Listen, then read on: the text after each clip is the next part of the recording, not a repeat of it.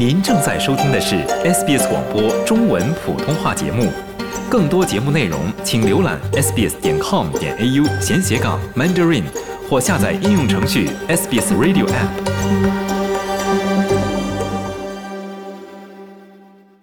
那很多听众朋友们可能也会好奇，到底澳洲什么时候的雪况才是最好的呢？才是最适合上山的呢？可不可以请 Helen 来给我们分享一下呢？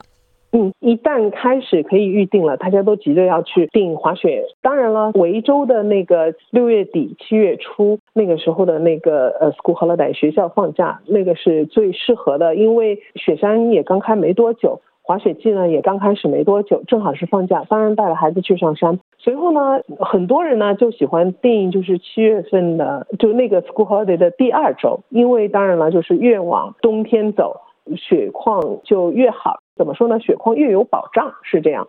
所以呢，很多人都会呃去订七月份的第二周。随后呢，我经常可以看到说，哎，大家说都订完了，都订完了，都订不到。呃，七月份、八月份周末啊，什么都订完了。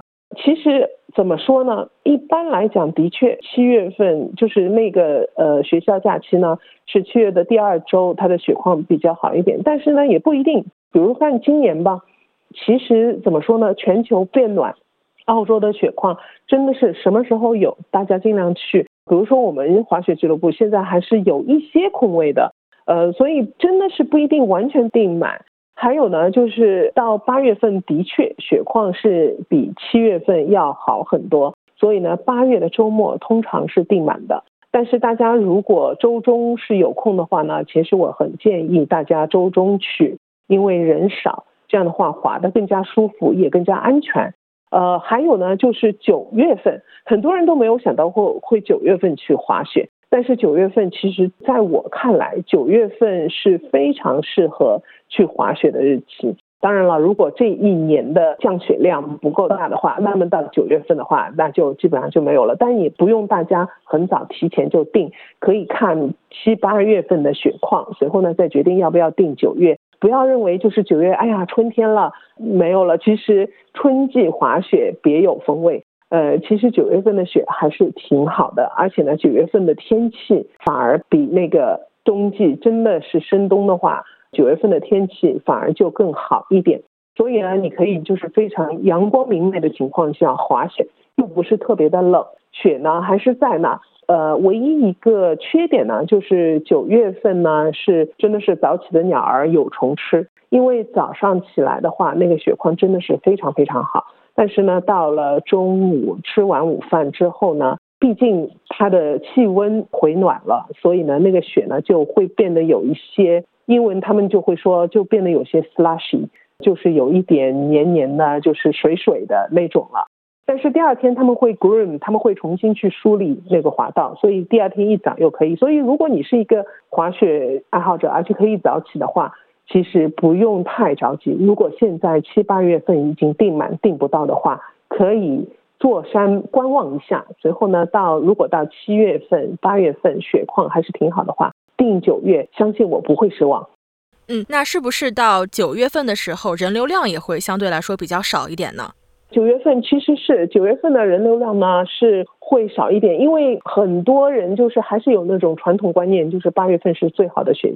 所以呢，很多人都是挤在那个八月份去。当然了，如果九月份雪况真的非常好的话，那很多人还是会要去。但是有一点记住，就是虽然说很多滑雪爱好者他们的内心还是觉得，哎，只要有雪我就一定去。但是真正在周一到周五能够放下一切去滑雪的人并不多。所以如果你在周中可以去的话，那九月份是没有问题的。还有呢，不要忘记九月份我们还有一个 school holiday。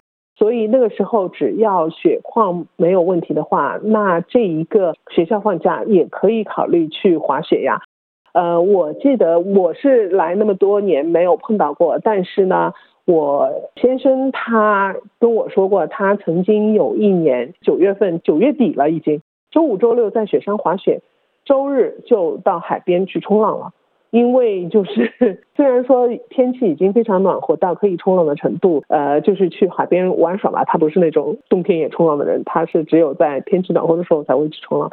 但是呢，在雪山，即便在山下已经非常暖和了，雪山的雪况还是足以可以好好的滑几场雪的。嗯，那听众朋友们也是，如果七月份或者是八月份没有订到理想的住宿，或者是没有和朋友安排好理想的时间，也是可以在九月份的时候在雪山上大展身手一下。那刚才呢，我们也是请滑雪爱好者 Helen 给我们来科普了有关于澳洲雪山的一些基本的知识啊，比如说今年的雪情。装备的租赁，然后一些在山上的一些的相关的课程。那接下来呢，我们来说一说相对于来说比较现实的一些问题啊。在疫情两年之后呢，想要去山上滑雪的民众啊也是非常非常的多。那现在雪山的住宿应该是也是相对于来说是比较爆满的。那 Helen 可不可以给我们来科普一下，在雪山上一般都是有哪几类的住宿可供大家去选择呢？因为我对不乐比较熟悉，所以还是说说不乐吧。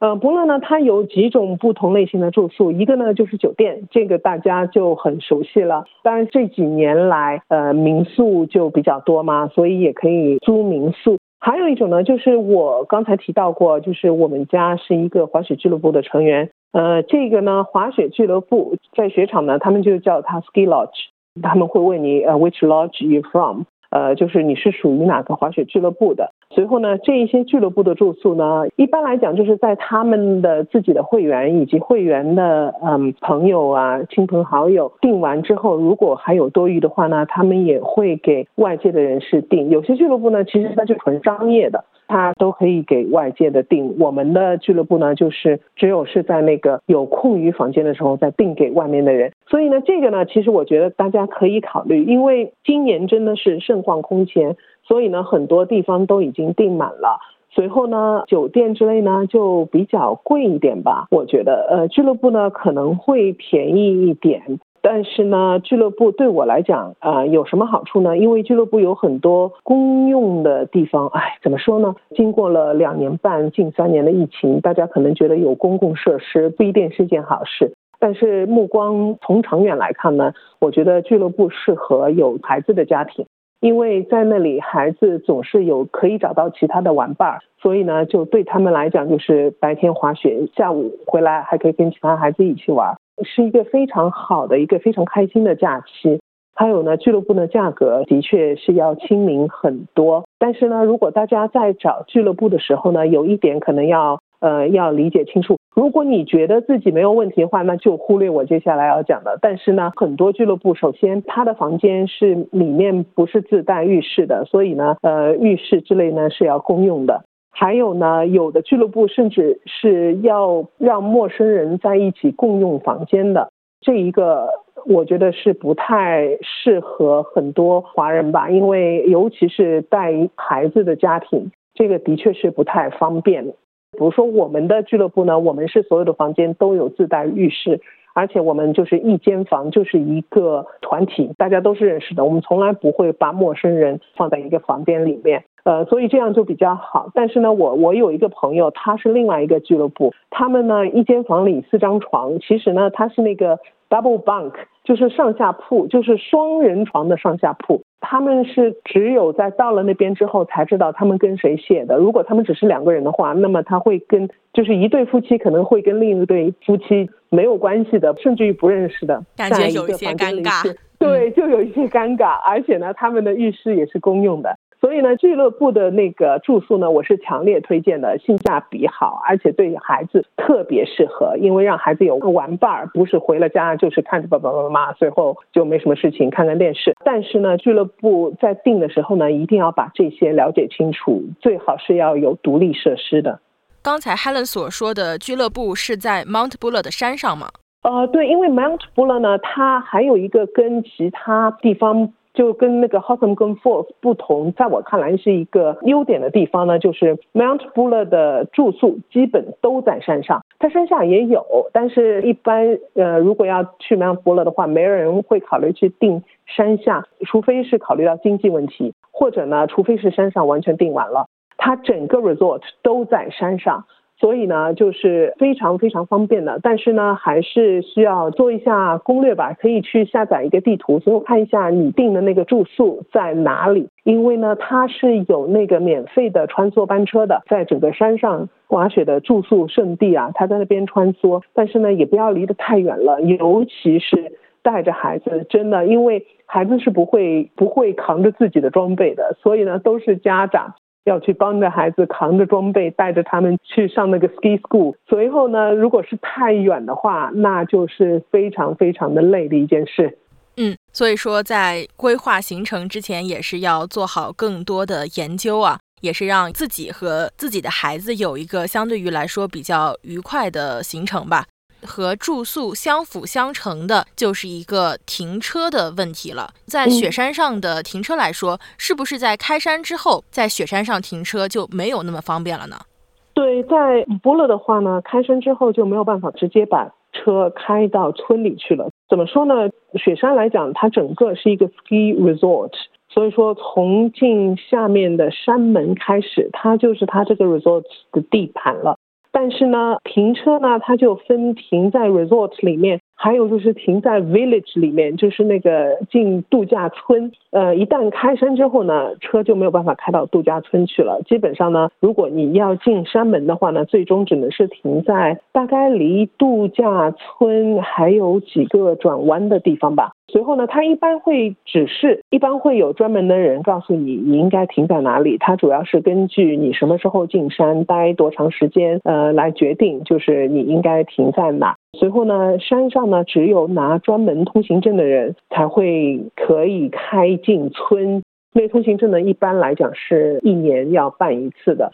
最后村里也有 VIP 的 parking，这个呢也是可以开进去的。但是它对车是有要求的，就是首先呢必须是 all wheel drive 或者 four wheel drive，four wheel drive 最好的，要不呢就是 all wheel drive。还有呢，不是所有四驱车都可以，比如说吧，像那个 Subaru 的它的 WRX。那个好像是不行，因为那个是太低了，它那个车的底盘离地面的距离也是有要求的。随后呢，轮胎也是有要求的，轮胎必须是 mud and snow tire，就是泥雪胎，不然的话，其他轮胎呢也不行。还有一个，不管就是你停在半山腰还是停在山上，都记得要为自己的车的轮胎配防滑链，要不呢就是买，或者呢也可以租。随后呢，在去之前呢，就要看一下伯乐的 App，因为它的 App 上会告诉你什么样的车是需要带防滑链呢，还是需要装防滑链。因为其实呢，就是四驱车在通常情况下，防滑链如果是要进山过夜的话，是肯定要带的。但是呢，并不一定要装。四驱车呢，有的时候不用装，有的时候用装。但是二驱车呢，一般来讲，在雪比较严重的情况下呢，是必须要装的。其实呢，大家不用太过纠结，就是一定觉得，哎呀，我订个 VIP parking，我就是要停到村里去。其实呢，我觉得停到村里，除非你住的那个地方就是在那个 VIP parking 的上面，不然的话呢，没有这个必要。为什么呢？因为拖着行李在雪里面走也不方便，如果你还要走去你住宿的地方也不方便。另外，在雪里开车真的是没有大家想象的那么容易。首先，装防滑链就不是每一个人都会装得了的。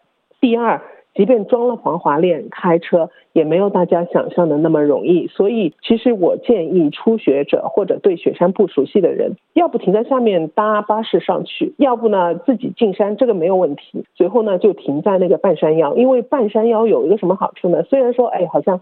我停在那，我还要先把行李都拿出来。但是它会有穿梭的那个 bus，这个是要付费的。但是呢，它是会来接你，随后把你直接送到你住宿的地方。所以呢，其实比那个 VIP 的那个 parking 呢要好很多，因为就像我刚才说，如果你不住在那的话，你还要拿着那个行李，而且有如果是带着孩子的话，要拖家带小的去你住宿的地方。呃，另外呢，一旦如果你对雪况、雪地开车不熟悉的话，很容易出事故，所以呢，还是停在半山腰比较没有后顾之忧。那这个看起来还是挺方便的呀，也是很多对在雪天开车比较胆怯的华人朋友们的一个福音，因为也是省去了很多麻烦，也是安全系数也是相对来说是有所提高的。刚才汉伦也是说到啊，自己是对 Mount Buller 这个雪山相对来说比较熟悉。生在墨尔本的听众朋友们，如果是要想去 Mount Buller 的话，走哪一条线会稍微比较好一些呢？其实呢，要看你住在哪。呃，一般来讲呢，必定是会经过 Yea，呃，Yea 就是一个小镇，就是 Y E A。从 Yea 到 Mansfield，Mansfield 呢就是布勒呃山脚下，呃说是山脚下，其实离那个呃山还是有大概半个小时的车程吧。这是最后一个比较大的一个镇了，它呢比 Yea 那个镇还要大一点。随后呢，过了 Mansfield 就上山了。如果你住墨尔本的话。必经 Yea 跟 Mansfield，随后在 Marimba，Marimba 呢就是山脚下，完完全全就是正中山脚下那边，所以就是 Yea 呃 Mansfield Marimba，随后就上山了。呃，但是怎么去 Yea 呢？那要看就是如果是东北区的话，那可以通过经 Yarra Glen，或者呢可以经 w i t t l e s e a 都可以去 Yea。如果是其他区的话呢，呃，尤其是东南之类的。那大家可能就需要通过那个 M3 那一条高速路，随后进 Lilydale，经 Lilydale 去那个呃 Yarra Glen，随后到那个 Yea 再上山。大家找一下，应该是可以找到。其实呢，就是山路开的时候就比较注意一点，小心一点，因为一般来讲是开一百码的高速路，但是呢，它每一个方向呢基本只有一根车道。当然呢，每过大概五六公里呢，它会有超车车道。所以呢，大家就是开车的时候小心一点，不习惯吧？因为如果比如说开车去悉尼那个 Hume Highway 上面，它是有两根车道，所以呢就感觉好像安全一点。还有就是，呃，如果你对开乡间小道不熟悉的话，去 Mount Buller 的话，那强烈建议白天开，尽量不要晚上开，尤其是在那个傍晚的时候，能见度呢，我觉得傍晚能见度是最不好的。那个时候有一点点余光，但是看的并不清楚，有一点点太阳的余光嘛？还有一个呢，就是很容易有袋鼠啊、袋熊啊，还有在那个 Mansfield 到 Mount Buller 半个小时车程，很有可能会碰到非常大的鹿，那种他们叫 Samba Deer，这个是非常危险的，不是那种可爱的梅花鹿。所以真的是强烈建议，如果你对开这山路不熟悉的话，那么不要在晚上开车。嗯，是不是现在上山的时候也是要记得给汽车里加上防冻剂呢？一般汽油车呢问题不大，但是嗯呃，如果你开的是柴油车，而且呢你定的是 VIP parking，即便是开到半山腰，如果是天气特别寒冷的话呢？那就记得一定要加 Alpine Diesel，就是柴油车。如果是开柴油车的话，不是一般的柴油，你需要加柴油的防冻剂。还有呢，要不就是直接到那个 Mansfield，Mansfield 一旦到了雪季，在 Mansfield 你就是自己把握好吧。到了 Mansfield 以后呢，把那个油箱装满 Alpine Diesel，就是高山柴油。为什么呢？柴油在那个温度非常低的时候会变得非常的粘稠。这样的话呢，车就没有办法启动了。所以呢，就一定要装高山柴油，不然不要上山。因为真的，我见过朋友就是没有办法启动车，是什么一样一种情况？所以这个呢是要提醒大家知道一下。还有就是在高山停车的时候呢，呃，手刹有的时候呢可能会冻住。当然了，如果你订的是山上的 VIP parking 呢，那个是在呃室内的那个 parking，那就没有问题。但是如果是订在半山腰的那种，哪怕就是你定的地方，可能它本来自己就有停车位，所以说给你一个可以转让的通行证，可以让你上山的话呢，记住停着之后呢，手刹不要上，就不要拉手刹，就让它这么停着，就放到 parking 就可以了。因为不然的话，手刹有可能会冻住，这样的话你的车就没有办法开，要暖一会儿再开。前几天呢，有一个网友问我为什么要把雨刷给支起来。停完为什么要把雨刷给支起来？因为主要呢就是一，如果是下雪的话，如果你那个车停个两三天，因为我们前两天呃我们俱乐部有会员上山，就把那个俱乐部最后再打理一下嘛。嗯，就停了两三天，他们的车基本上是找不到了，就是被皑皑白雪压在下面。